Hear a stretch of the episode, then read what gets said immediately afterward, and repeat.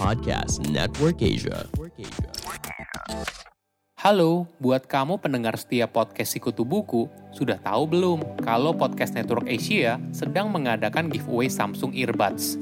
Untuk informasi lebih lanjut, silahkan langsung cek Instagramnya at PNA Indonesia. Jangan lupa, sekalian di follow ya.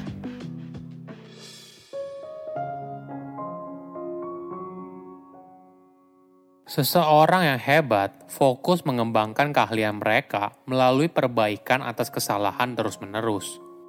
Halo semuanya, nama saya Michael. Selamat datang di podcast saya, Sikutu Buku. Kali ini saya akan bahas buku Talent Code karya Daniel Cole.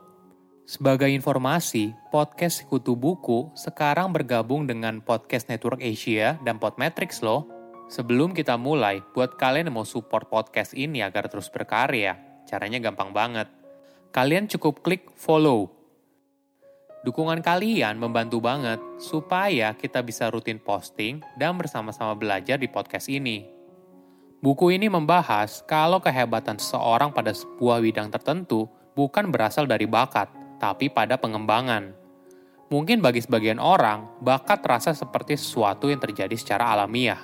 Namun ternyata, kita punya kontrol atas keahlian apa yang perlu kita kembangkan.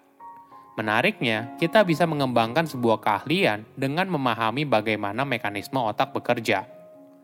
Selama 18 bulan, Daniel mengunjungi 9 tempat berbeda yang menciptakan manusia berbakat. Ketika dia menginvestigasi lebih lanjut, kehebatan manusia tersebut bukan berasal dari bakatnya saja, tapi ada tiga elemen penting yang mampu mengembangkan keahlian seseorang dalam bidang apa pun, entah itu olahraga, memasak, dan sebagainya. Saya merangkumnya menjadi tiga hal penting dari buku ini. Pertama, mengupas kehebatan otak. Otak manusia memang masih menjadi misteri. Mungkin kita merasa apa pun yang kita pikirkan, rasakan, atau lakukan adalah hasil dari apa yang terjadi di otak. Namun ternyata, semua hal tersebut merupakan hasil dari impuls listrik yang bergerak di sepanjang jaringan syaraf yang kita sebut sebagai sirkuit. Setiap sirkuit tersebut memberikan respon pada setiap hal yang kita lakukan, pikirkan, atau rasakan. Misalnya begini, saat kita berusaha mengangkat sebuah benda, maka itu merupakan hasil dari impuls listrik yang bergerak melewati sirkuit. Jadi, jika otot kita tidak menerima sinyal dari sirkuit otak yang sesuai, maka otot tersebut tidak akan bergerak. Ada satu bagian dari syaraf itu yang ternyata memiliki peran yang sangat krusial dalam mengembangkan sebuah keahlian. Bagian itu adalah mielin, sebagai informasi, mielin adalah bagian syaraf yang awalnya dikenal sebagai selubung pelindung di sekitar syaraf. Bukan hanya itu, ternyata mielin mampu menentukan seberapa cepat dan tepat sebuah sinyal dapat bergerak di sepanjang sirkuit. Ibaratnya begini, seperti jalanan yang lebih luas bisa membuat kamu memacu mobil dengan lebih cepat. Lapisan mielin yang tebal juga dapat membantu untuk mengontrol pergerakan dan pikiran dengan lebih akurat. Setiap kali kamu berlatih sesuatu, maka syaraf akan bergerak melalui sirkuit di otak. Bahkan untuk melakukan tindakan paling sederhana, ada ribuan syaraf yang harus bergerak dengan sempurna. Ketika syaraf bergerak, maka lapisan mielin akan membesar. Dampaknya, impuls yang dihasilkan menjadi lebih cepat dan tepat. Perlu dipahami, bukan hanya sekedar berlatih hal baru, tapi yang lebih penting adalah membuat kesalahan dan kemudian memperbaikinya. Contohnya begini, kamu berlatih alat musik, jika kamu hanya bermain lagu yang sudah kamu kuasai terus-menerus, maka lapisan mielin tidak akan bertumbuh karena kamu menggunakan lapisan yang sudah kuat. Tapi, ketika kamu memilih untuk bermain lagu yang baru dan membuat beberapa kesalahan di awal, jika kamu mengulangi bagian yang salah dan memperbaikinya, maka lapisan mielin akan menebal dan akan mempermudah proses belajar.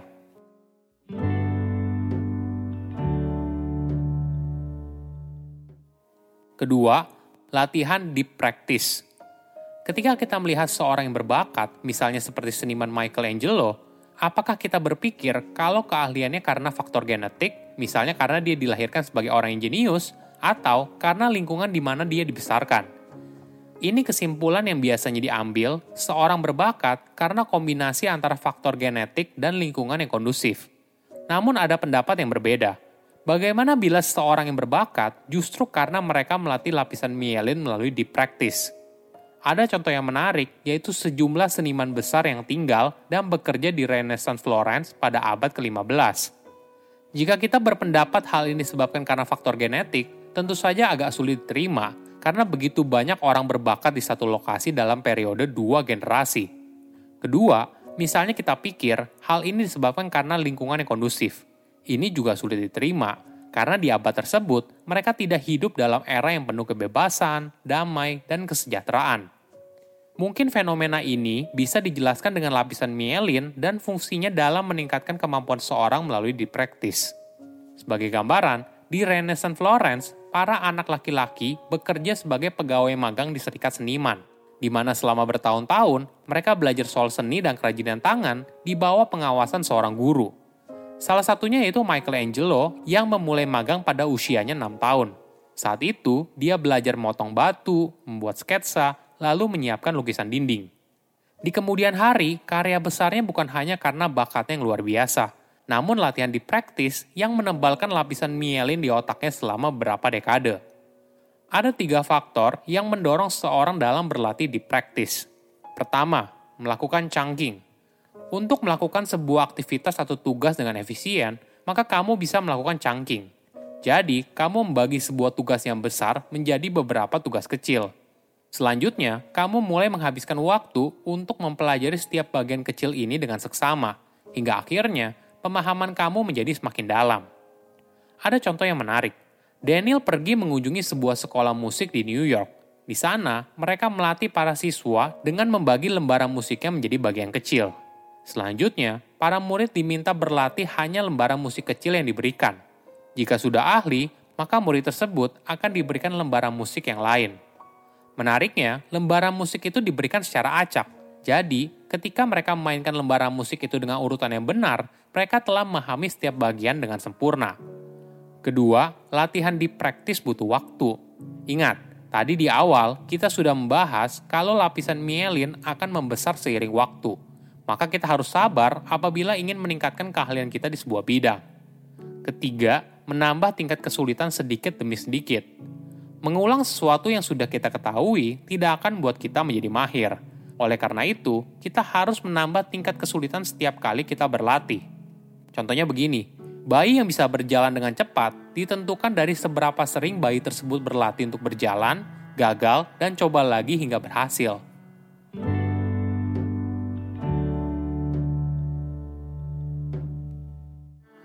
Ketiga, pentingnya guru dan motivasi eksternal. Tadi kita sudah bahas tentang manfaat dari deep practice. Namun, untuk bisa melakukan deep practice dalam waktu lama, seseorang harus sangat termotivasi untuk melakukan perbaikan terus-menerus. Hal ini disebut oleh Daniel sebagai ignition. Ini merupakan isyarat eksternal yang memicu keinginan kita untuk menjadi terampil dalam sebuah bidang tertentu dan meyakinkan kita bahwa hal itu mungkin untuk dicapai jika kita bekerja keras. Contohnya seperti ini. Pada tahun 1998, pemain golf dari Korea Selatan yaitu Seri Park memenangkan turnamen yang besar. Sebelum kemenangannya, tidak ada pemain golf yang sukses dari Korea Selatan. Namun sejak kemenangan Seri Park, jumlah pemain golf Korea Selatan yang memenangkan kejuaraan dari sebuah turnamen meningkat secara drastis. Perlu dipahami, hampir tidak ada yang bisa mengembangkan keahlian mereka seorang diri. Biasanya ada guru, pelatih, atau orang tua yang melatih, memberi semangat, menginspirasi, dan sebagainya. Seorang guru atau pelatih perlu memiliki keahlian teknis yang mahir dan mampu menyentuh ignition dari setiap murid. Inilah yang kemudian membuat lapisan mielin dalam setiap murid terlatih dengan baik. Mereka juga memberikan masukan terus-menerus sehingga muridnya mampu berlatih di praktis dengan maksimal. Sebuah keterampilan berasal dari latihan dengan perbaikan terus-menerus dalam waktu yang lama tidak ada jalan singkat untuk menjadi seorang yang ahli. Saya undur diri, jangan lupa follow podcast Sikutu Buku. Bye-bye. Pandangan dan opini yang disampaikan oleh kreator podcast, host, dan tamu tidak mencerminkan kebijakan resmi dan bagian dari podcast Network Asia. Setiap konten yang disampaikan mereka di dalam podcast adalah opini mereka sendiri dan tidak bermaksud untuk merugikan agama, grup etnik, perkumpulan, organisasi, perusahaan, perorangan, atau siapa pun dan apa pun.